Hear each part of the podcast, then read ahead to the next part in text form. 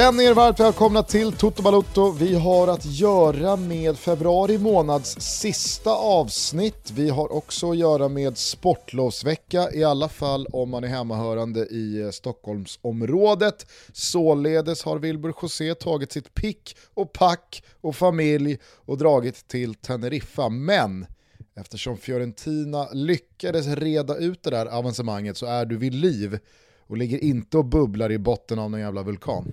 Nej, än så länge så har jag liksom hållit mig nere på marken här, höll jag på att säga, men eh, inte på 3700 meter som jag berättade för min stolsgranne på flygplanet att vulkanen var. Han eh, visste inte att det fanns en vulkan när vi flög in och undrade vad det var för jävla berg vi flög bredvid. Här fick jag förklara att det det är en vulkan. Det är ju lite så här på Teneriffa, är det inte det? Man åker bara, man flyr hit och så vet man inte riktigt vad man ska göra. Det är liksom, det är sol, det är något jävla hotell man bor på och så vidare. Men jag har ju större uppgifter Gusten, du eh, förminskar allt detta. Jag ska ju på eh, UD Teneriffa, heter de så? Teneriffa i alla fall mot Eibar på, på lördag. Så här finns, det, här finns det jobb att göra vet du. Ja, onekligen. Onekligen. Säsong två av, eh, säsong två av eh, Never Forget ska göras. Härligt. Eh, ni, ni har det bra annars? Mycket bra, mycket bra. Tjejerna mår bra? Eh, ja, för fan. Allting, allting är varit- bra, allt är precis som vanligt. Har du varit nere på botten? Mm, inte än, däremot så eh, ser jag fram emot att eh, liksom använda mina nya fridykarskills här eh, framåt, men det, det är inte jättevarmt i vattnet heller. Eh, ser du fram emot ett svep? Är det det du vill ha? Ja men exakt, jag, jag, jag tänkte på det eh, eftersom lördagen blev liksom lite rörig för mig eh, så, så, så vill jag höra allt. Mm. Ja men eh, då ska du få spänna fast dig här och bara åka med. Toto Balotto är sponsrade av Heineken Alkoholfri. Eh, hörni, eh, vi i Toto Balotto brinner ju väldigt mycket för jämställdheten inom fotbollen. Jag som fotbollsfarsa till eh, tre stycken döttrar som har spelat fotboll eller spelar fotboll just nu har varit med på en resa här de senaste sju åtta åren som har varit helt otrolig.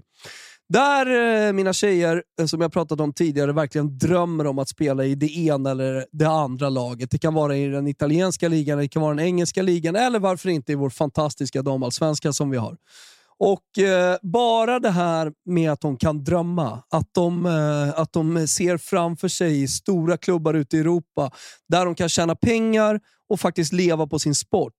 Och Det roliga nu, det är att man till och med i allsvenskan som damfotbollsspelare, det är att man till och med nu som fotbollsspelande kvinna i Sverige kan tjäna så pass mycket pengar att man faktiskt kan leva på sporten. Men det betyder heller inte att vi kan stanna upp här och att eh, vi på något sätt har nått någon slutdestination vad det gäller jämställdheten. Utan jag ser fortfarande stora skillnader och eh, jag ser stor utvecklingspotential. Så att, eh, det gäller att fortsätta arbeta och att hela tiden, vi som eh, jobbar inom fotbollen såklart också, ideellt eller professionellt, eh, hela tiden försöker ta eh, damfotbollen framåt. Och en sak som jag tänker väldigt mycket på i alla fall, vad det gäller mina döttrar, det är att inte göra någon skillnad. För jag ser fortfarande en stor skillnad på hur ledare och tränare ute i Sverige gör skillnad på hur man coachar flickfotboll och hur man coachar pojkfotboll. Och Då kan ju några tänka att ja, det är väl till det bättre, kanske då. För att det finns en massa skit inom pojkfotbollen, eller inom det som har varit och barnfotbollen. Och det, det, det kan stämma till viss del, men eh, till exempel så märker jag att man gör skillnad på hur tufft man får spela, tacklingar till exempel och så vidare. Eh, det, det, det görs verkligen skillnad på pojkar och på flickor.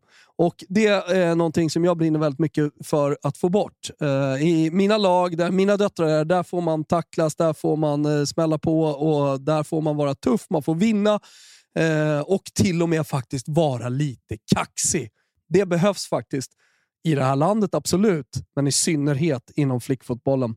Så att eh, vi brinner för jämställdhet tillsammans med Heineken Alkoholfri och är väldigt glada för detta samarbete. Cheers to all fans säger vi och glöm aldrig bort att fotbollen är till för alla. Det gäller att inkludera alla oavsett vilket kön du har. Stort tack till Heineken Alkoholfri som vill lyfta jämställdheten inom fotbollen tillsammans med oss. Vi ser också fram emot en härlig fotbollssäsong där Heineken 00 alltså även är med och sponsrar både damernas och herrarnas Champions League. Februaris sista söndag bjöd oss säsongens hittills största utropstecken. I alla fall vad gäller kollektiva bedrifter och titlar som kommer kommas ihåg. För låt oss vara ärliga, supercuper i Saudi och klubblags-VM-finaler mot Al Hilal och sån skit har en tendens att försvinna ut i periferin när vi går vidare med livet efter avslutade sessar. Och på tal om att vara ärliga, Ska vi verkligen slå på den stora trumman för att ett lag besegrat Aston Villa, Burnley, Charlton, Nottingham och Newcastle i en liten läskkupp där de flesta roterar friskare än någon annanstans? Ja, jag tycker faktiskt det. För grejen igår var inte vilka Manchester United besegrat längs vägen. Grejen var att de vann igen. Att de stod där med en tränare som fått precis alla bakom sig, som fått hjälp av Arsenal att predika och påminna folk om tålamodets vikt och av några få klassvärvningar att vägen tillbaka också kan kantas av kuppbucklor, derbysegrar och njutbara stunder. Manchester United är inte tillbaka på vare sig tronen av England eller än mindre Europa. Men alla som såg ligacupfinalvinsten igår mot en annan klubb med mycket på gång måste ha sett och känt samma sak som jag. Att den här jävla kolossen till klubb är på en bättre plats än vad man varit på många, många år. I övrigt från öarna så tar vi med oss en ligacupbuckla även för Celtic. Eh, vi noterar segrar för eh, Premier Leagues toppduo Arsenal, vann knappt men rättvist mot ett uddlöst Leicester och Manchester City manglade ett uselt Bompan. Leeds och West Ham tog båda två livsviktiga segrar i eh, bottenstriden. Liverpool stod för en ny håglös, undermålig och poängtappande insats utan tendenser till någon slags kämpaglöd och Harry Potter, förlåt, Graham Potter trollade fram ännu en förlust för Chelsea, även denna gång utan att göra mål framåt. Och även fast alla Spurs där ute tänker att vi nu ska hylla Oliver Skip, så är faktiskt den stora grejen efter den här matchen vad fan Chelsea pysslar med. I eh, Spanien så hände det grejer, minst sagt. Betis inledde omgången med att vinna igen. Madrid-derbyt dagen efter slutade 1-1 efter ett kontroversiellt rött kort för de rödvita och Alvaro Rodriguez första mål för Real Madrid. Ruben Barajas Valencia tog äntligen en seger igen. 1-0 mot Real Sociedad via självmål av Igor Sobelja var kanske inte vackert. Det var ingen propaganda, men det var blod, svett och tårar bakom den trean och ibland så är de de vackraste vinsterna som finns. Söndagen bjöd sen också på ett par knallar då Sevilla förlorade hemma mot succégänget Osasuna, Girona släckte Athletic Clubs CL-drömmar, men framförallt Barcelona torskade mot lilla Almeria och bjöd således in Real Madrid i titelstriden igen. Vilken jävla pissvecka för Xavi och hans gubbar. Aj, aj, aj. I eh, Tyskland så stämde Bayern i bäcken mot Union Berlin. Urs Fischer, ni vet Union Berlin-tränaren, han var tydlig efter 3-0 på Allians. Vi hade inte en suck, inte en chans, inte en sportmössa, inte en currywurst. Bayern var två, tre klasser ovanför oss idag. Tydliga jävla Urs. Dortmund med en bortaseger mot Hoffenheim och Foppen med 1 plus 1 i Leipzigs seger över Frankfurt gör att vi faktiskt har den mysigaste toppstriden i Bundesliga så här års på flera år. De som trodde på något liknande i Ligue 1 efter PSGs svajiga start på 2023 får tänka om efter Le Classique igår. Kylian Mbappé är för dagen helt enkelt för bra för att något annat franskt lag ens ska kunna störa PSG. Tillsammans med en viss Lionel Messi så slet de Marseille i stycken och känslan och intrycken var verkligen att Kylian Mbappé hade kunnat gjort fem mål ifall han velat. Bayern är nu varnat och matchen i München kan verkligen bli något alldeles speciellt. Vi avslutar svepet i Italien där Napoli efter 2-0 mot Empoli och Inters förlust mot Bologna nu har 18 poäng ner till närmast jagande lag. 18! Etta, 8. Ett av de lagen kan imorgon heta Roma och ett av de lagen heter redan Milan som de tre senaste veckorna kan räkna in fyra raka segrar, tre i ligan, bara hållna nollor och dessutom en klart ljusnad skadesituation. För nu är han tillbaka. Den spelare som präglat generationer, som enligt väldigt många, men kanske främst sig själv, är den stora skillnaden på att komma tvåa och att lyfta pokaler. Comebacken har dröjt, folk har undrat, tvivlat, tvekat, men nu, nu är det återigen San Siros potatisåker under fötterna på en av de största som någonsin spelat sporten. Mike! Men ja! Ja, rolig va? Ja. Nej men, eh, jag, jag, nu tänker jag inte göra nedslag direkt där du avslutar. Eh, du, eh, du, du sa att en stor bjässe hade vaknat i och med cuptiteln. Jag tycker att du är helt rätt på det. Eh, jag skulle också ha krönikerat och skaldat ungefär som du gjorde. Att, eh, att det finns tålamod och att Arsenal har lärt eh, liksom Manchester United, kanske andra sovande storklubbar, att eh, det tar tid att komma tillbaka men man kan komma tillbaka. Alltså det, det, det tycker jag är en stor poäng ändå i, i det här. Och jag tror nog att Manchester United-supportrar liksom delvis under den här hösten, supportrar som har varit med länge med klubben, ändå har känt det när de har sett Arsenal. Men, vänta nu här, det där är ju vårt hopp. Och samtidigt så känner ju säkert de då som Manchester United-supportrar att men vi är ju bättre än dem. Vi är större, kraftfullare, har mer resurser. Så det kanske går lite snabbare för oss. Eh, men, men, vägen dit kanske går via Carabao Cup och, och ja, men en tredjeplats i ligan som skvallrar om mer, så att säga. Där, det, det, ja, men jag, jag, jag tyckte det fanns en poäng i det. Sen så fanns det ju bara sådär semantiskt eh, och vi pratade om att skalda så fanns det ju någonting fint med att vi hade börjat med att prata om vulkaner. Där hade du ju kunnat sagt att, är det inte lite, är det inte lite seismisk rörelse trots allt i, i, i, den, i den stora mäktiga vulkanen Manchester United? Jo visst, the riding on the wall fanns där, men eh, det är ibland eh, svårt att se skogen för alla träd när man är liksom hög på eh, intrycken man har fått av, av, av vissa matcher. Eh, det är inte så att jag har liksom, eh, no några personliga känslor för Manchester United eller att jag cravar United tillbaka i någon slags världstopp eller i alla fall engelsk topp. Eh, det, det, har varit, eh, det har varit både underhållande och eh, smärtsamt att eh, följa United senaste decennium, men som du är inne på, jag tror att Alltså, dels så har United lärt sig själva, men kanske framförallt av Arsenal den här säsongen. Med tanke på att alla vet hur nära det var att man klippte Arteta, hur mycket han hängde mot repen. Eh, att det, det, det, är inte längre så att bara för, man, eh, bara, för, bara för att man huserar en så stor historia som Arsenal, eller kanske ännu större i, i, i fallet United gör, så går det att liksom lösa vissa saker på 3-4 månader eller ett halvår eller att man i slutet av en säsong ska, ska vara med och hota på 2-3 titlar igen, utan det, det tar tid. Alltså, det, det, det, det, finns ju så oerhört många exempel nu på i Manchester United. Eh, tränare som kommit och gått, som inte fått till det.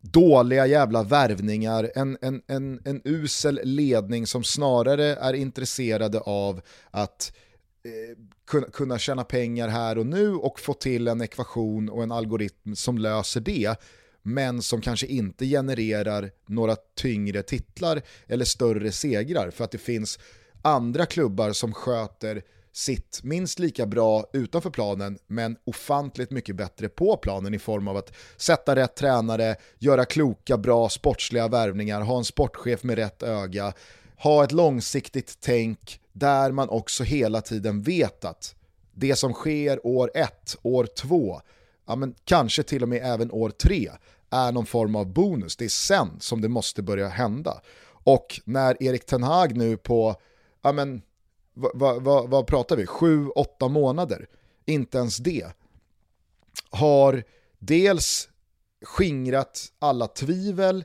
han har visat sig liksom stark i sitt ledarskap gentemot Cristiano Ronaldo och satt klubbens bästa först.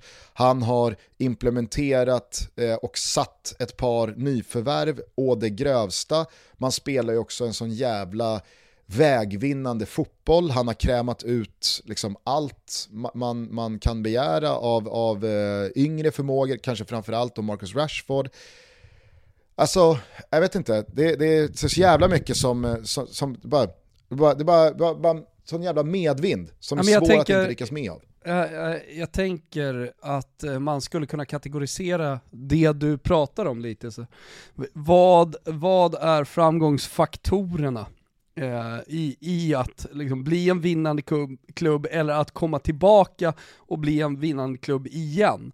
Jag vet inte så här på uppstuds om det är skillnad på att liksom, i, ja, men, bli Newcastle, eller att vara Newcastle och att göra den resan helt plötsligt har kommit in en massa pengar.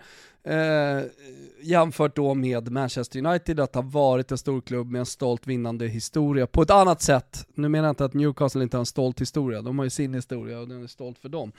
Men eh, alldeles oavsett så... Sen är det väl en viktig distinktion att göra på storklubb och toppklubb.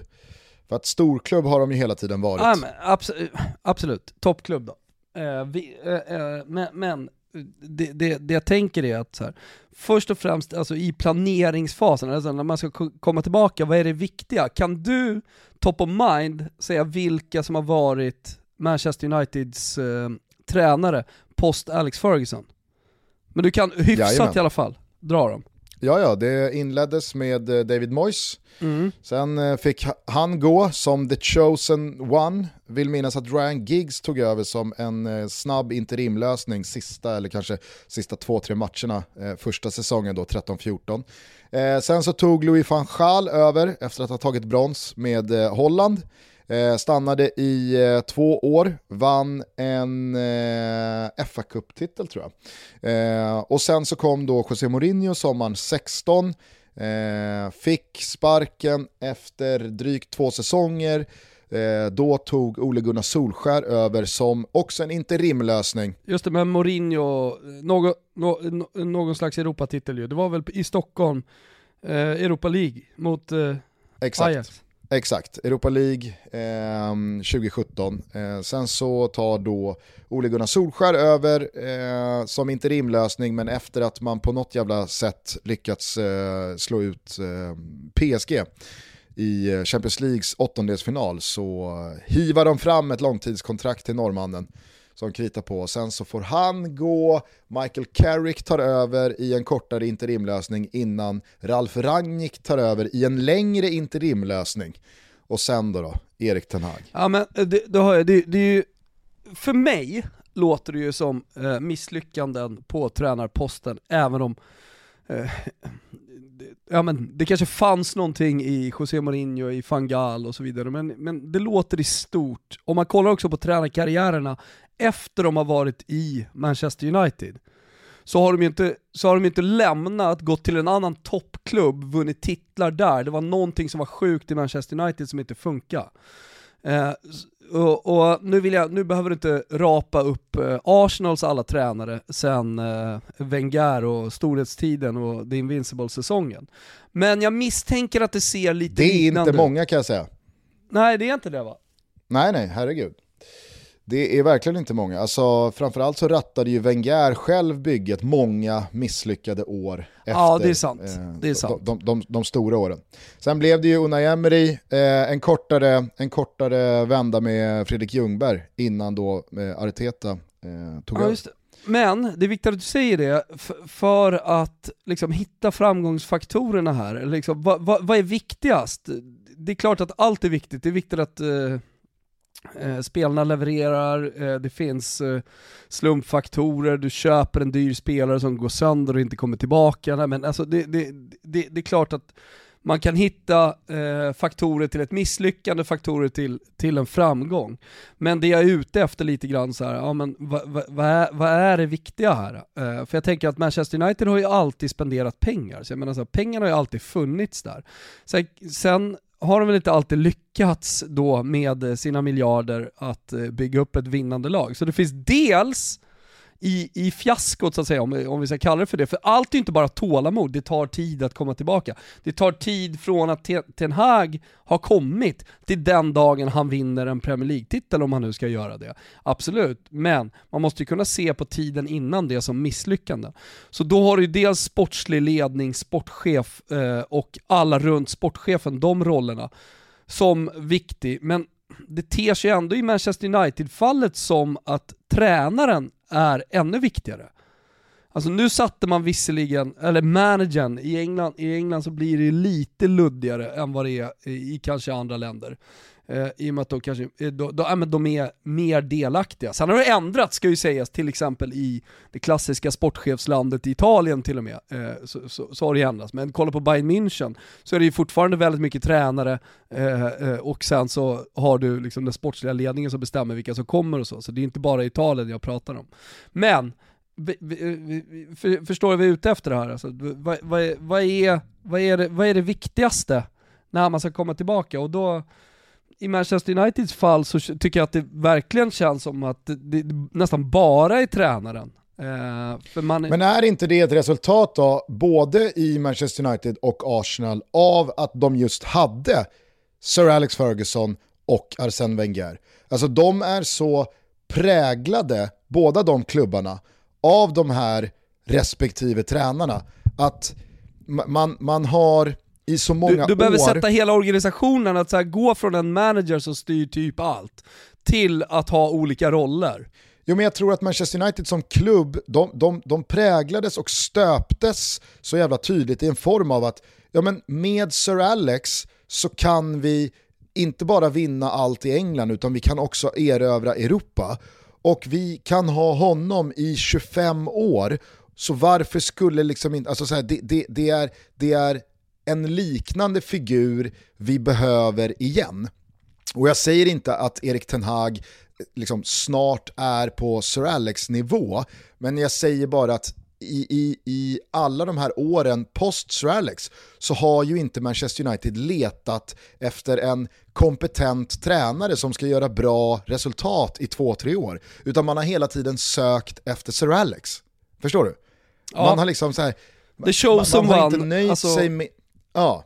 Han är vald nu att bli nästa Sir Alex. Men, eh, men, men fotbollsvärlden hade liksom snurrat vidare, Premier, La Premier League, Premier League, Premier League hade blivit någonting annat eh, under Sir Alex sista tid, under eh, Wengers sista tid. Eh, och då, då, då gick det inte, precis som att så här, ja men den italienska fotbollen kunde, kunde inte leva på sina gamla starka eh, presidenter som pytsade in pengar, för det räckte inte heller till för att konkurrera i den stora fotbollsvärlden där helt plötsligt matchday-intäkter, eh, sponsorer, eh, ja men sponsorer också i form av eh, liksom, Eh, ägare som dopar klubben med pengar lite grann. Det, då, då, ska man använda bara Berlusconi som Morattis pengar, ja men då blir man, då blir man eh, smål. Man har ingen chans, utan du måste få intäkter på andra sätt också för att hänga med. Jag menar att det är stora organisatoriska stålbad som eh, både engelska klubbar och italienska klubbar på olika sätt har fått gå igenom för att eh, då hitta in i, i jag slarvigt kallar det för den moderna fotbollen, för det är väl så mycket större än det, men i fotbollsutvecklingen och i den utvecklingen som, som var på väg. Eh, jag säger inte att Milan, eller kanske för all del Manchester United, har hittat eh, eh, liksom exakt rätt i sina vägar på väg mot eh, toppen. Jag säger inte heller att några av de klubbarna ska bli exakt det de var tidigare. Det är ju någonting nytt. Men de ska befinna sig där uppe och, och vara med och kriga om titlar. Eh, då, då, har de behövt gå igenom där och, hi, och hitta sig själva på något sätt i, i den här processen. Liksom. Och det, det är väl det som har tagit tid då. Jo, absolut, men det finns ju någonting i just vad Sir Alex i United och Wenger i Arsenal, men kanske framförallt Sir Alex i, i United, gjorde för liksom engelsk fotboll i sättet hur man ser på tränaren. Vad han ska vara, och hur länge han ska vara där och hur mycket liksom prägel han ska sätta på hela klubben.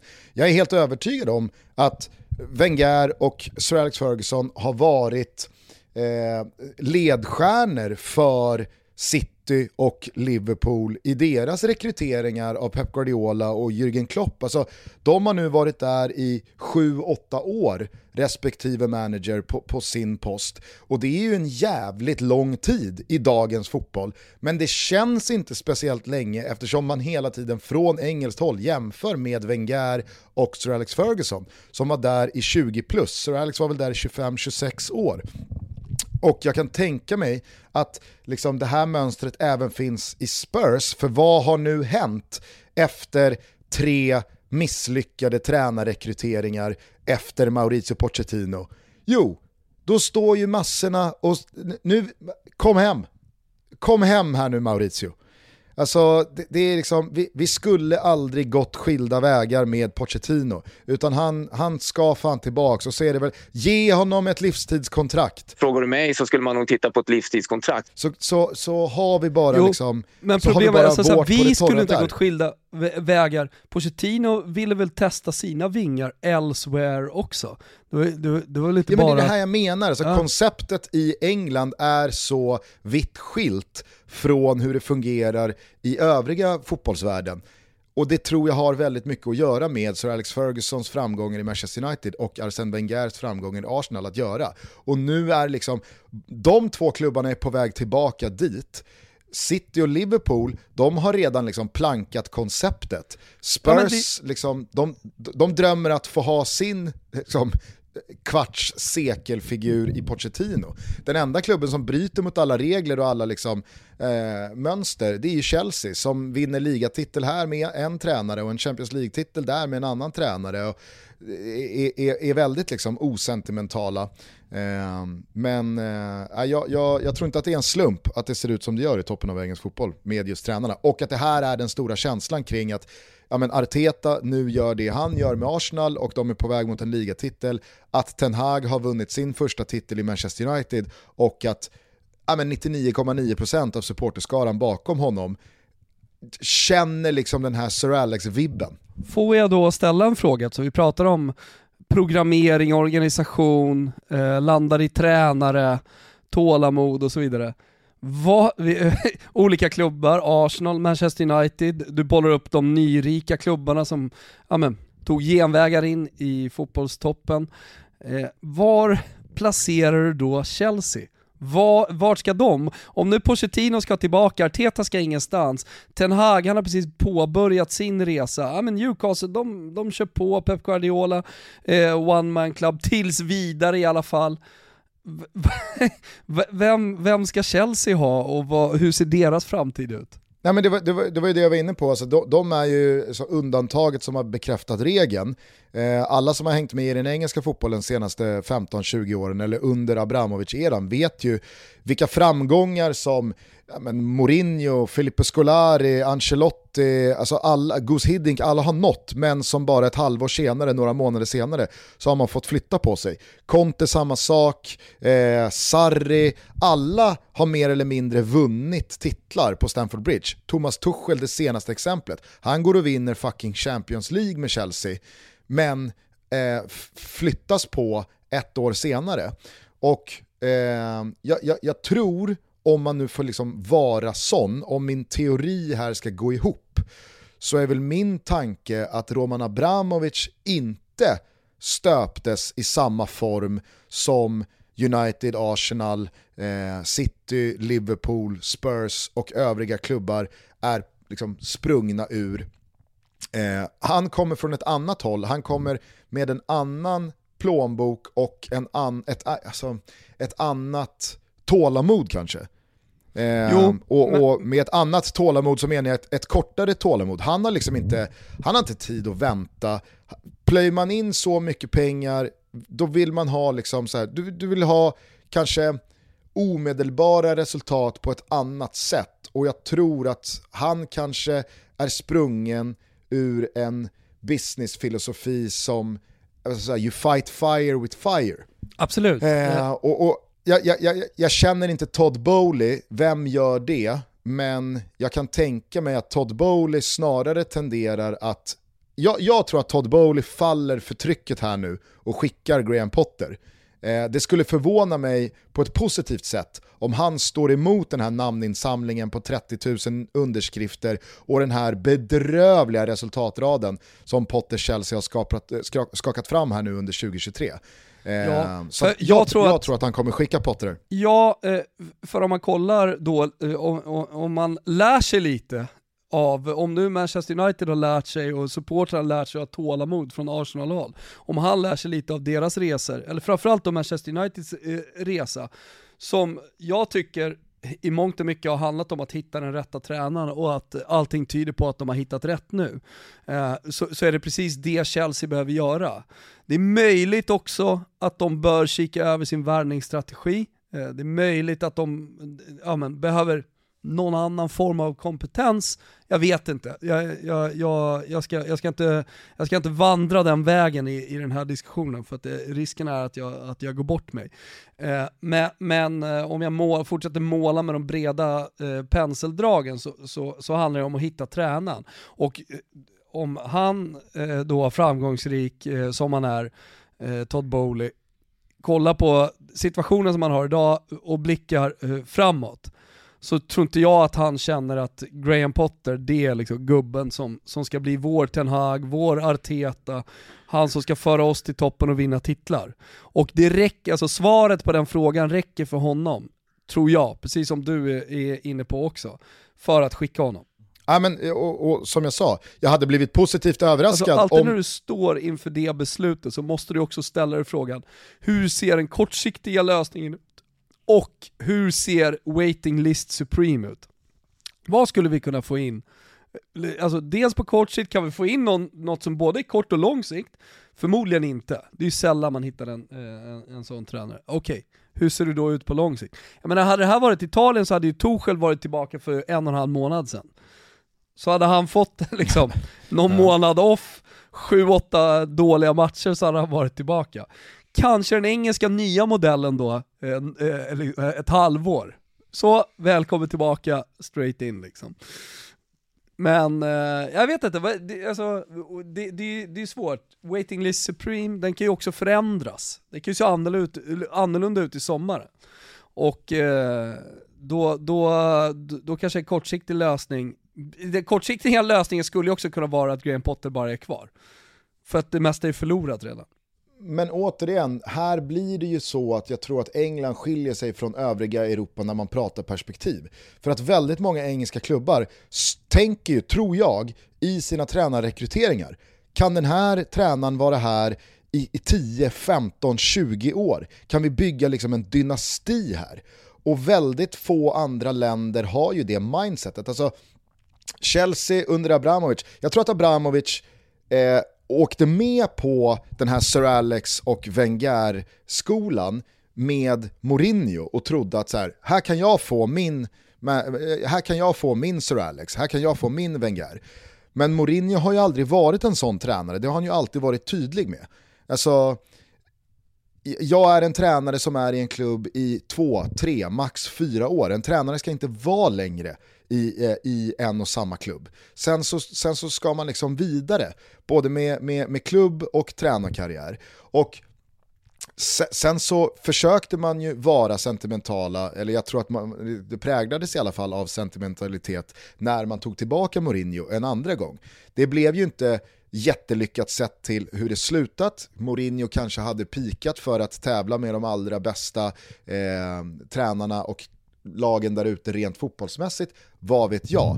Jag menar bara att jag kan tänka mig att när Todd Bowley och Chelsea eh, och andra klubbar, nyrika blir väl eh, orättvist mot, eh, mot Chelsea efter så här många år, men kolla hur PSG har försökt med sina tränare på ett helt annat sätt än väldigt många andra klubbar. Det, det, det finns inte samma tålamod, det ska vara instant impact, jag, jag vill tro att Todd Bowley valde Graham Potter av en annan anledning. För att annars tror inte jag att man landar i Graham Potter. Förstår du vad jag menar? Alltså, hade Todd Bowley varit den man tror, kanske lätt eh, vindigt, att han är, då tar du ju inte Graham Potter i det läget som man tog Graham Potter. Nej, det tror inte jag heller man hade gjort. Sen så, sen så tycker jag att det finns någonting eh märkligt i hela Torshäll-situationen också. Alltså, det, det, var inte, eh, det tycker väl många, men, men att, att man, man verkligen inte kände förtroende för honom där. Alltså det, trots allt, en, eh, han, är väl, han är väl högst upp på waiting list Supreme just nu.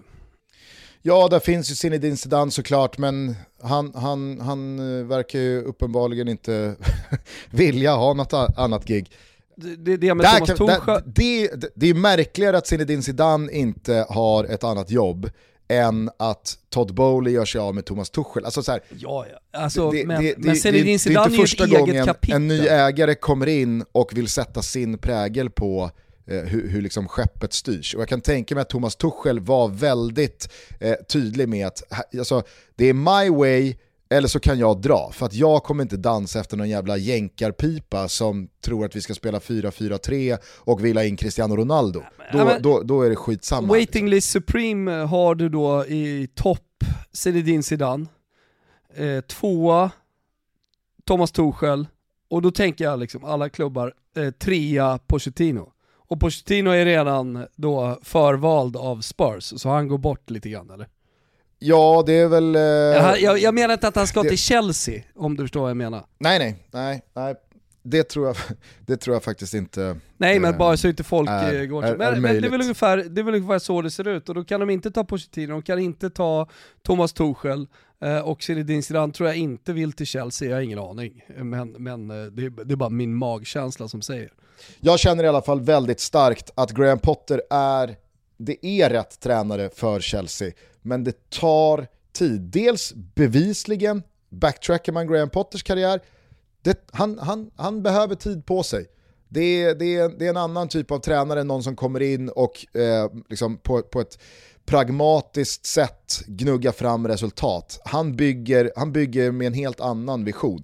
Adderar man på det den extrema spelaroms, spelaromsättning som varit i Chelsea, ja, men då, då, måste man ju förstå att det kommer ta ännu längre tid. Och nu är ju Chelsea dessutom i ett läge att så här, de kommer inte åka ur och Nej, men... toppen är borta. Så varför stressas av ytterligare en förlust mitten av tabellen. Jo men det intressanta är det du säger, eh, när du pratar om tålamod. Va, va, vad är det tålamod? Varför ska han få tålamod? Och så nämner du spelaromsättningen. Ja, vilka är spelarna som kan omfamna Potters eh, ledarskap? Vilka är spelarna som ska göra det för honom? Det är ju inte han förstått, det har inte Chelsea förstått, det har, det har inte spelarna själva förstått än heller kanske. Och det är det som tar tid. Mm. Det kanske behövs någon ny, det kanske, men det, det, vissa behöver gå därifrån, Eh, eh, och, och Ska man göra den typen av tuffa beslut när det har gjort stora ekonomiska investeringar, kanske vissa spelare, ja då krävs det mod från ledningen och framförallt så krävs det ju eh, liksom fullt jävla förtroende för, eh, ja. för sin tränare. Annars, kan du inte, annars, annars tillåter du inte dig själv som klubbägare att förlora pengar. Om du inte Nej. tror på din tränare Nej. fullt ut. Så det, det, liksom, det är det absolut viktigaste. Och som sagt, alltså med the writing on the wall, för att använda den frasen igen.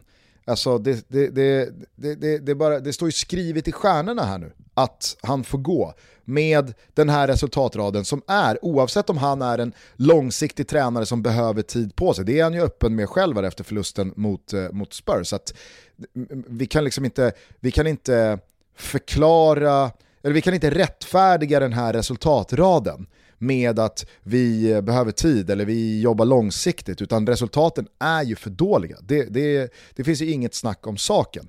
Men med det supportermissnöjet som nu är, alltså jag, jag kan verkligen se hur, hur, Todd Bowley faller för trycket här. Men jag skulle bli så jävla positivt överraskad ifall han står emot och ger Graham Potter eh, nästa säsong på sig det hade, det hade, det hade piggat upp i eh, den annars liksom Vet du vad som hade piggat upp Gusten och gå vidare lite nu? Klichéartade introduktionen ja. av eh, Todd Bowley till den europeiska eh, fotbollen som en, en nyckfull jänkare. Ja, det hade piggat upp och gå vidare. Ska vi lämna England då helt och hållet? Ja, jo tack.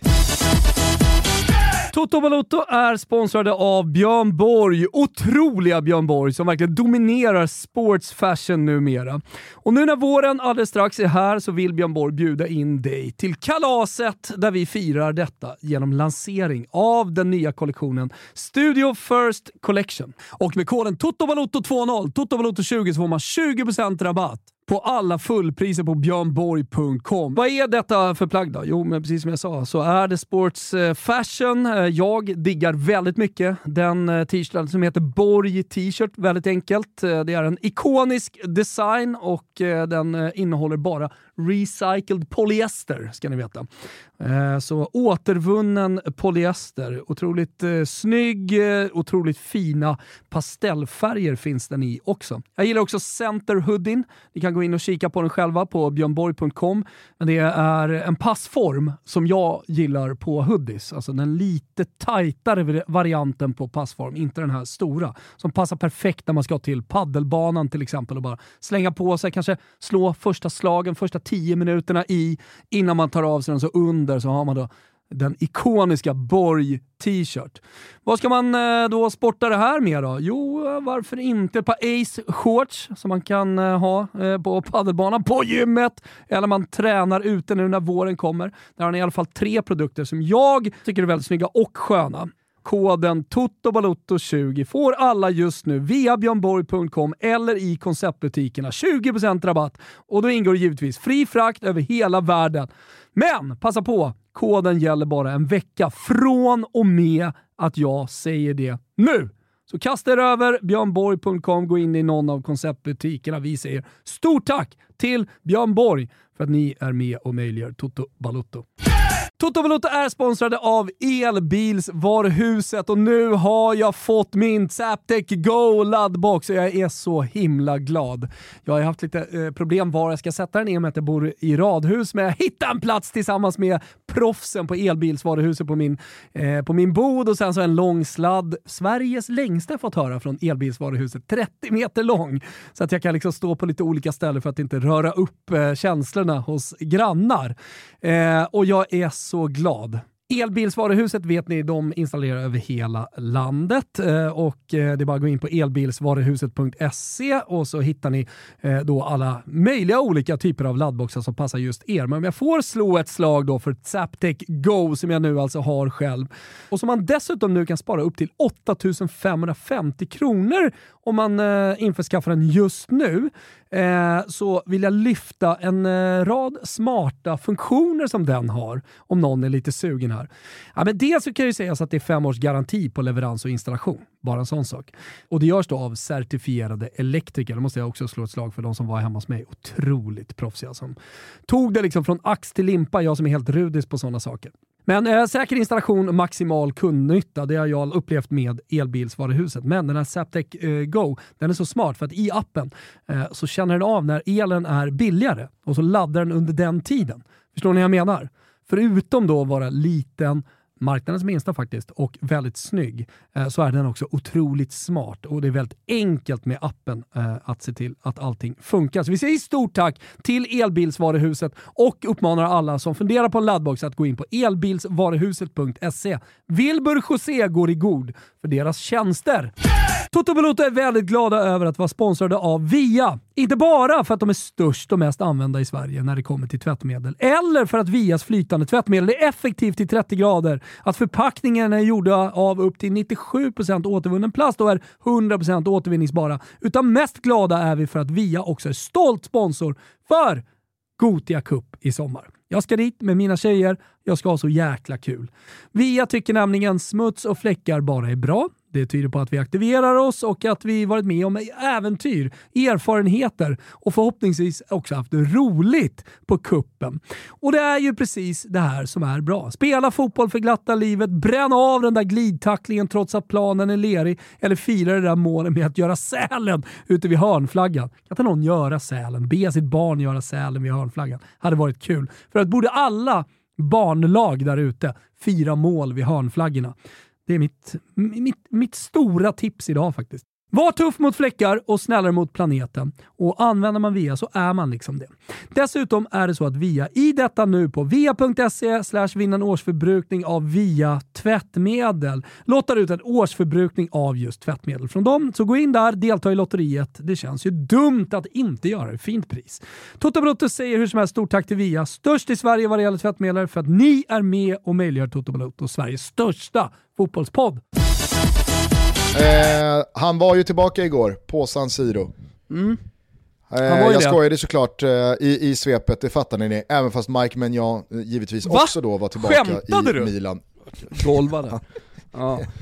ja, det gjorde jag faktiskt. Zlatan Ibrahimovic hoppade in för Milan, eh, blev i och med det klubbens genom tiderna äldsta spelare i Serie A-sammanhang, tog den utmärkelsen från Billy Costa Curta. Eh, han var tillbaka på plan efter nästan 300 dagars skadefrånvaro och även fast det, det, det, det var inte direkt, alltså, det var inte killen Mbappé som klev in på planen, men fan vad glad man blev av att höra Zlatans ord efteråt om hur bra allt kändes och hur bra han mår och hur hungrig han är på det som nu komma skall. Men tyckte du att det såg så jävla dåligt ut då? Alltså även om han inte lyckades jättemycket med de toucherna han hade. Jag sa, väl, det... jag sa väl inte att det såg så jävla dåligt ut, jag sa att jag parallellt såg killen Mbappé från en annan planet, för att använda Igor Tudors ord, spela liksom den fotboll han gjorde det var ju inte riktigt den spelaren som kom in.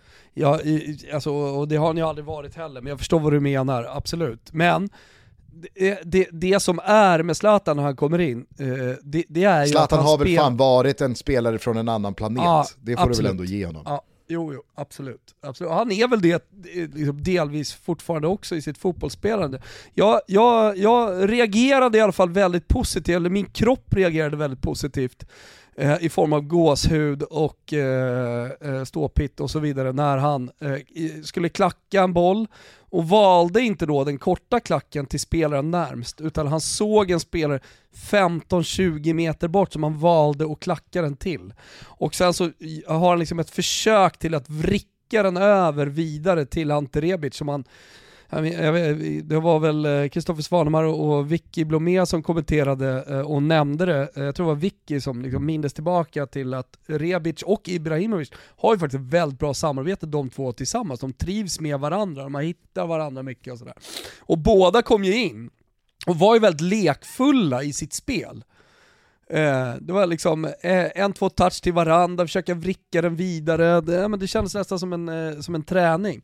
Sen så var det ett tacksamt läge sen också när, när det blev 2-0, när Junior Messias hade avgjort matchen lite grann också, så det fanns, fanns eh, liksom tålamod och, och eh, förståelse från lagkamrater och publik när, när, när, eh, när, när det skulle spelas lekfullt. Men jag tycker ändå, tycker ändå det såg tillräckligt bra ut i steget för att vara första liksom, 20 minuterna eh, på eh, ja men det är mer än ett halvår nu, på så otroligt lång tid, sett till också hur gammal han är.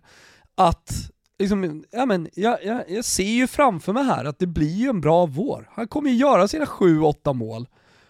och sen vet i fan vad som händer efter det. Återigen står man där och, jag jag vet, vecka sen så var man helt säker på att här, ja, men han får väl mm. någon minut, jag vet jag pratade med någon uh, om det, om det var i Toto Live eller vad det var. Men så, så här, får vi några minuter och så tro, tro, märkte jag många trodde då, och, i slutet av säsongen och sen så är det över. Alltså den där prestationen igår, även om det inte såg så jävla bra ut, så räckte ju den för att man ska börja tänka, jaha, blir det ett år till? Redan? Ja, ja. Nej, men det, alltså, det var, jag vet, jag vet. Jag började känna EM24. Ja. alltså. Och det ska jag säga, alltså, så här, du har ju alltid varit, alltså, så här, ibland varit väldigt bra på och, och med, med, bra så menar jag då att du liksom så här, genuint har känt så. Ibland så tror jag att du av princip har spelat på det för att du, du har liksom låst dig vid, vid det sättet att se på fotboll. Men du gör ju oftast liksom väldigt positiva eh, nummer av dåliga insatser när det kommer till genrep eller träningsmatcher. Det, det är liksom perfekt. Det, det, ska inte vara några jävla 4-0-segrar och klapp-klapp-spel. Nej, men jag, såg det, att, det liksom... jag såg att IFK Göteborg-supportrarna började liksom säsongssummera igår när de hade förlorat mot Gais i kuppen. Samtidigt som jag kände, perfekt. Göteborg är på rätt väg. Topp tre. Topp top tre. tre den här säsongen. Och även om det kanske det är lite bara... skarvat så finns det ändå någon, någon slags sanning i det. Att, att, eh, att, eh, att man definitivt i alla fall inte ska hålla på att dra för stora växlar. I, i det här fallet. Ska jag, bara, innan, ska jag bara innan jag fortsätter eh, be Kim spela upp min profetia som jag läste upp för dig och Niva kring eh, Blåvitt? ja, kör. Ska vi ta den? Efter en jobbig vår så sparkar Blåvitt Micke Stare och Poya Asbaghi återvänder för en ny chans. Gustav Engvall, August Erlingmark, Sam Larsson och Benjamin Nygren ryktas alla återvända och från Kamratgården så mässas det om att IFK Göteborg nu verkligen behöver tålamod. Ja, eh, det kanske inte blir SM-guld, men eh, eh, jag säger i alla fall att man, man ska vara försiktig med att eh, måla upp en dålig säsong i slutet av februari för att eh, IFK Göteborg har förlorat en försäsongsmatch. Och sen så vet jag att, många, eh, jag vet att det är tävlingssäsong, jag vet att det betyder mycket för eh, Blåvitts, eller för alla supportrar, med den svenska kuppen. Eh, men du kommer se ett helt annat Blåvitt om två och en halv månad jämfört med det Blåvitt som man ser idag. Eh, och det gäller, det gäller ju de flesta lagen. Eh, sen är, det, sen är det, alltid, det är alltid bra att vinna fotbollsmatcher såklart, speciellt i det läget. Ibland, ibland är, det, är det så också. Klubbar befinner sig eh, i, i ett läge i sin klubbhistoria där man faktiskt måste vinna träningsmatcher till och med. Nu var det här till och med en tävlingsmatch. Dessutom mot Guys. Eh, alltså man, man, köper ju, man, man, köper ju tålamod så att säga eh, hela tiden av sina supportrar. Och sen, eh, sen förlorar man den och så fylls det på eh, beroende på vad som händer. Och i det här fallet så tror jag man tömde tålamodsbägaren väldigt mycket för eh, eh alltså alla Blåvitt-supportrar. Eh, kontrollfråga bara, tror du att det är två och en halv månad till den allsvenska premiären? Nej, jag tror inte att det, jag vet att det är en månad. Det är väldigt kul men, i alla fall. men, men jag ser ju, jag ser ju liksom Manchester United, eh, Chelsea City och, och de, eh, alltså deras första tre, fyra, fem matcher i Premier League eh, handlar ganska mycket om att vinna, inte hur man ser ut i spelet. Eh, och där är också olika beroende på liksom, om man har en ny tränare, tränare som har varit med länge, typ som Pep Guardiola och så nu kom Ten Hag Alltså det, det, är klart att det är skillnad, men, men eh, det, det, är nog eh, i alla fall två månader bort innan, innan jag på riktigt kan bedöma eh, IFK Göteborgs alla nya spelare och, och så vidare. Det, det, det, ja, jag, jag, jag som neutral fotbollsälskare kan, kan kolla på, på bland annat Blåvitt, eh, men vi kan lägga med IFK Norrköping där också. Mm. Eh, och, men just och när det kommer till... ändå. Men just när det kommer till Blåvitt så är det ju verkligen så här moment 22 för dem. För att precis som jag är inne på i min profetia och det som ja, men jag såg igår på sociala medier efter förlusten här mot Guys börjar mer och mer liksom få fäste i Blåvitt-led. Det är ju att om man nu skulle sparka Stare tidigt in på den här säsongen, ja då sitter man ju i samma jävla situation igen. Då går det ju inte att kräva någonting av den här säsongen, för då ska en ny tränare in och så ska han sätta sin prägel på en spelartrupp som inte han har varit med och format. Och så har man bara liksom börjat om på ruta ett igen och så ska man sitta och prata om tålamod ännu en gång. Så att, nej, de, de sitter i en jävla rävsax där. Äh, de, de, verkar ha en tränare, de verkar ha en tränare som eh, ingen i spelartruppen tycker om. I alla fall väldigt få. Nej, det, det, det, behöver, det behöver väl inte alltid vara katastrof. Ibland, ibland så kan de tränarna också lösa det, men visst, det, det, det, det, verkar väl inte vara liksom, det verkar väl inte vara någon jätteformkurva uppåt eh, i Peking. Kort bara, två grejer eh, kring det här Göteborgsderbyt som jag bara skulle vilja lyfta innan jag ska tillbaka till då Zlatans comeback i Milan ett, eh, schnitzel eh, till liksom eh, hetsen inför. Jag tycker att det fanns något härligt i att eh, Blåvittstenen vandaliserades och, och målades grönsvart. Och att svaret då blir liksom en klassiker med att måla om Gaisgården, för det var väl det det gjordes när, när Glenn Hysén gick till Gais. Eh, Nej, det, det, det, fanns det fanns någonting härligt i det, att så här, de möter inte varandra tycker... speciellt ofta längre, nu fick de varandra i kuppen, det är tävlingssammanhang, nu jävla kör vi och så, så, så, så, så når man den här nivån redan i februari. Det, det, det gladde mig. Nej men det finns ju något fint, eh, liksom svensk fotboll, föreningslivet, eh, eh, 51% regeln, ingen VAR och så vidare. Att Gaisgården inte har larm eller kameror eller så, utan att den bara står där som en gammal, ja, men gammal klubbgård. Det hade kunnat varit Rönningesalen fotboll eller vad som helst och ingen bevakning eller någonting dagen innan ett derby. Man bara kommer dit på morgonen, det är, det, det är liksom ett överlås och ett underlås, knappt så att underlåset ens funkar. Det har varit trasigt de tre senaste åren. Det är bara överlåset. Och så går man in där och där står faxen och där står någon jävla gammal skrivare från, från 97. Vet du vad man Eh, också en, vet en finns där? PC-dator med den här ljusgråa kåpan runt som man hade i slutet på 90-talet.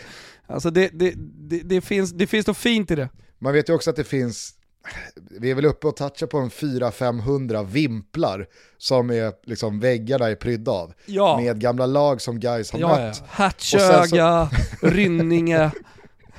Jo men det finns ju också, Alltså, det, det är det är de såklart att det finns också, det finns ju någon sån här Queens Park Rangers. Eh, alltså någon, någon riktig liksom, som, som, som någon gammal eh, sekreterare och lagledare kan, kan malla sig över. Exakt. Ja. Ja, Och sen de, så de finns där bland, också- bland de andra. Där finns också en dekal på insidan av ytterdörren där det bara står, det är en bild på ett ljus och så står det du släckte väl? Exakt. Den vet man finns Och där. in i köket, din mamma jobbar inte här. Men, eh, jag vet inte, det är någonting med att allt det här startar med att Gaisarna känner Fuck it, vi tar stenen. vi, vi, målar, vi målar om Blåvitt-stenen. Det är så liksom, ah, det, är så, det är så underbart. Men den andra grejen då som jag skulle bara liksom vilja lyfta, jag vet inte om du hängde med i det här, men eh, Göteborgs kuppmatcherna spelas ju på Bravida.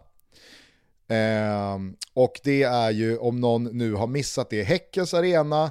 Och av någon anledning, det fanns liksom, det, det, det fanns eh, Blåvitt-supportrar som, det, jag satte mig inte in i caset totalt, men det, det fanns liksom ett rimligt missnöje, så som jag förstod det, i att eftersom det här liksom så är en kommunalt ägd arena, eh, så fanns det då liksom ett rimligt missnöje kring att varför ska liksom delar av kassorna i kioskerna landa i Häckens fickor.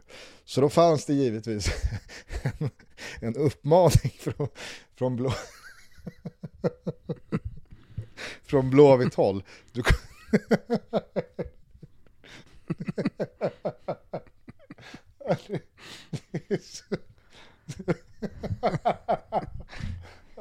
ja, dels, dels så kommer du ihåg du kommer ihåg brevet som alla fick i samband med Häckens match mot eh, Blåvitt i höstas när de säkrade guldet. Att de ska fan inte få eh, storma planen. Ja, ja. Det var en Tydlighet uppmaning där. till alla. Ja, det var en uppmaning till alla. Till alla förutom Göteborgsspelarna som gick ut och ställde ut skorna och låg under med 3-0 efter en kvart. Men De- De hade missat. igår var det en ny uppmaning. Ingen handlar i kioskerna. Häck, häcken ska inte få en krona. Det var väl redan inför, ja, såg, det var inför den här matchen. ja, jag vet. Och då såg jag bara Ja, jag- efter jag- det här, jag- Blåvitt torskar mot Guys. det är liksom en bedrövlig insats på alla sätt och vis. Det är håglöst, det är uselt, de såg knappt ut att liksom kämpa, Marcus Berg är ute och slashar laget efteråt, folk börjar kräva Stares avgång, alla supportrar är skitförbannade, man har verkligen börjat den här säsongen på sämsta tänkbara sätt. Och då såg jag bara att Patrik Glimberg då, vår gode vän från BB-podd, han, han twittrade bara, ja, jag köpte inget i kiosken i alla fall. Lill-segern. Exakt. där, där fick ni! Ja, Häcken, vad säger ni nu då? Inte en Det krona är la jag i ironiskt i det kiosken. där, men det är kul ändå. Ja, men det, är så jävla, det är så jävla fint med den lilla, lilla segern. Ja, du ser, alla så, fall inte svenska säsongen har inte ens börjat, allsvenska säsongen har inte börjat. Vi, vi, ja, vi är väl igång med tävlingssäsongen då, så vi gillar att uttrycka det bara för att eh, ge det eh, lite mer power till, till svenska kuppen. Men redan så är liksom Sverige, allsvenskan, svensk fotboll i sin helhet, det, det, det är precis vad den alltid har varit och det, det, det, det är det man älskar. Men du, Ja. du, alltså, hela den här VAR-diskussionen, vi kan ju inte bli den moderna fotbollen. Alltså mer och mer känner jag ju det.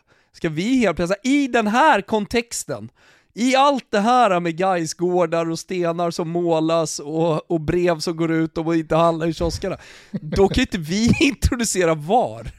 Det är ju som att introducera VAR i liksom, eh, eh söndagsfotbollen, Sunday football, Sunday League i England. Mm. Nej, men, kände du inte det igår när du såg repriserna på Guidettis, eh, alltså när, när Guidetti går ner i straffområdet mot Östersund och får en straff? Kände du inte underbart det var att det var helt omöjligt att se om det var något här, ja, vi, vi har repriserna, men vi vet fortfarande inte. Vi har ingen aning. oh, det är fan underbart. Alltså. Det är helt omöjligt att se på de där repriserna. Om det ska vara straff eller inte. Så, äh, ja, ja, nu, nu tog de, de tog straffen. det, kolla repriserna, äh, bevisar ingenting. Bevisar ingenting. Toto Balotto är som ni vet sponsrad av MQ och nu när våren är på gång så är självfallet MQ på tå. Redo att optimera era garderober när vi nu är inne i den ibland ganska knepiga övergångsperioden från vinter till just vår. En tumregel, lyssna nu, är minst ett par stabila och snygga jeans. Det är liksom basen till en funktionell och bekväm garderob. Om din garderob är en köttfärssås så är jeansen soffritton, hänger ni med va? Upp till matchar man med t-shirt, skjorta eller väst, eller alla tre, varför inte? Kliv in på MQ så förstår ni att valmöjligheterna är många. Utbudet rikligt. Och det finns möjlighet att eh, fixa massa outfits här nu. Färgskalan har sin bas i säsongens neutraler, matchas gärna med blått. Addera en overshirt flanellskjorta till dina klassiska blåjeans så är du klappad och klar. Vi säger ett stort rungande tack till MQ för att ni även denna säsongsövergång är med och hjälper våra lyssnare att optimera sina garderober, men framförallt för att ni är med och möjliggör Toto Balotto. Vi är så oerhört glada över att vara sponsrade av Burger King. I synnerhet nu när de har tagit fram två stycken så otroliga smakkombinationer i laguppställningen. Nämligen nya Chili Mayo Bacon King och Chili Mayo Chicken Royal. Snacka om att inleda börjaråret 2023 urstarkt. De här två håll käften-burgarna finns dock bara på menyn under en begränsad tid, så missa inte det här. Precis som Burger Kings paroll alltid gjort gällande, nämligen “Have it your way”, så väljer du själv om du vill gå på kött eller kycklingspåret. Men jag känner att det är chilimajon som blir lite grejen här. Va? Jag tänker på giftermålet mellan en grillad hamburgare och en perfekt avvägd chilimajo. Äh, men det är klart att det vattnas i munnen när jag pratar om det. Äh, jag gör nog fan så att jag dammar iväg till Burger King direkt efter avsnittet och så sätter jag tänderna i minst en av chili, mayo, bacon king och chili, mayo, chicken royal. Och ni kan faktiskt inte göra någonting åt det. Eller ja, ni kan ju också gå och göra det. Så det är väl bra tanke. Vi säger stort tack till Burger King för att ni är med och förgyller Toto Balutto. Toto Balutto är stolt sponsrade av Circle K. Och just nu så har medlemmar som tankar möjlighet att vinna presentkort värde 500 kronor. De drar 500 vinnare varje vecka fram tills april. Tänk om just du vinner. Ja, men det är bara att börja tanka på Circle K om du inte har gjort det innan. För att vara med och tävla så ska du vara medlem i Circle K Extra och tanka och betala med det kortet som är kopplat till Circle K Extra under perioden 29 december och eh, till den 4 april. Så tänk till och med 4 april. Vinsten är som sagt ett presentkort på Circle K värde 500 kronor och kan inte bytas in mot kontanter.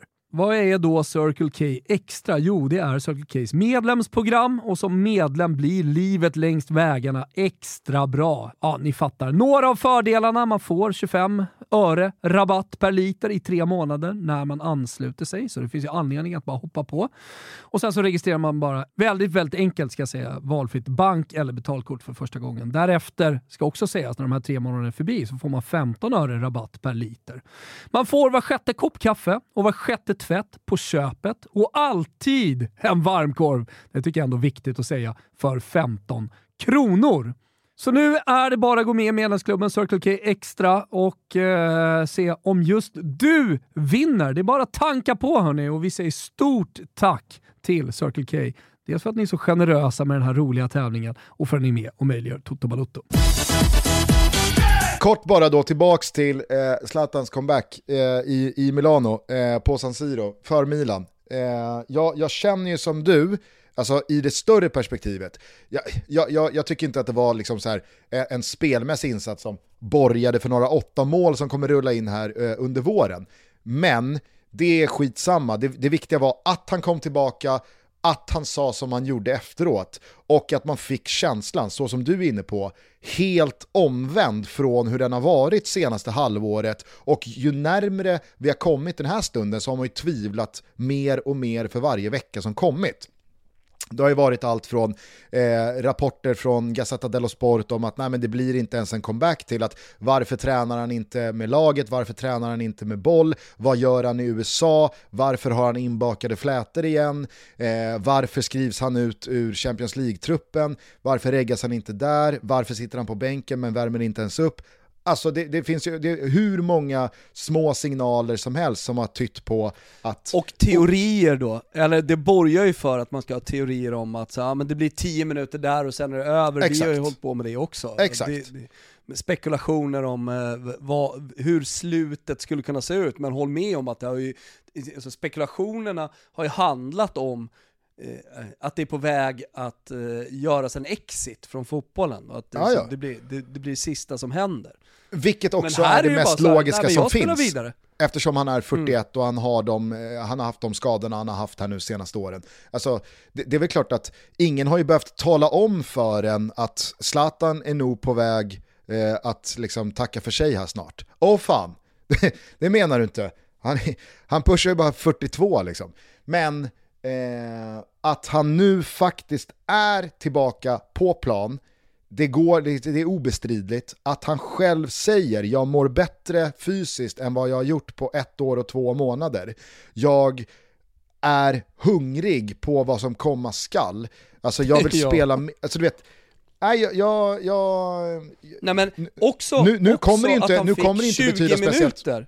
ja ja, verkligen. Också det var inga han- 7-8 eh, minuter liksom. Nej men det, det, det var ju det man i så fall hade förväntat sig. När eh, bildproduktionen landade på Zlatan, han fick en väst, skulle upp och värma upp kändes som att, ja okej fan, ska det bli någonting då är det sista 5-10 här. Eh. eh, och det, det är väl det som eh, också har känts kring en comeback. Att det, så först ska han ut på planen, känna på den i 10 minuter, 5 minuter eller vad det nu är. Han ska få publikens jubel, sångerna och allt det där. Eh, och, och, och sen får man se, men här var det liksom så här, ja, men han, han var redo att spela. Det var liksom, ja. Ja. men 20 minuter hade han definitivt, han kanske hade till och med 25-30 i benen. Så, Mm. Men eh, jag vet, det var en och- sak i alla fall som jag skulle vilja fråga dig om Gusten bara, Ja. om eh, eh, hans comeback. Såg du när han stod, eh, jag tyckte det kändes som att han stod och hulkade. Svanemar och Vicky noterade det inte, och jag såg ingenting på Twitter, jag har inte läst någonting i de italienska tidningarna här på morgonen. Men, men jag tyckte det så, såg ut som att, dels så stod han liksom off-ball typ, eh, Atalanta anföll, Eh, Milan vann bollen, kom tillbaka, då stod han liksom eh, ner med händerna på låren. Och så såg det ut som att han liksom hulkade till, han alltså, hade handen mot munnen istället. Det, var en, det var 45 sekunder, en minut eller någonting sådär. Och sen så började han springa igen och kom igång.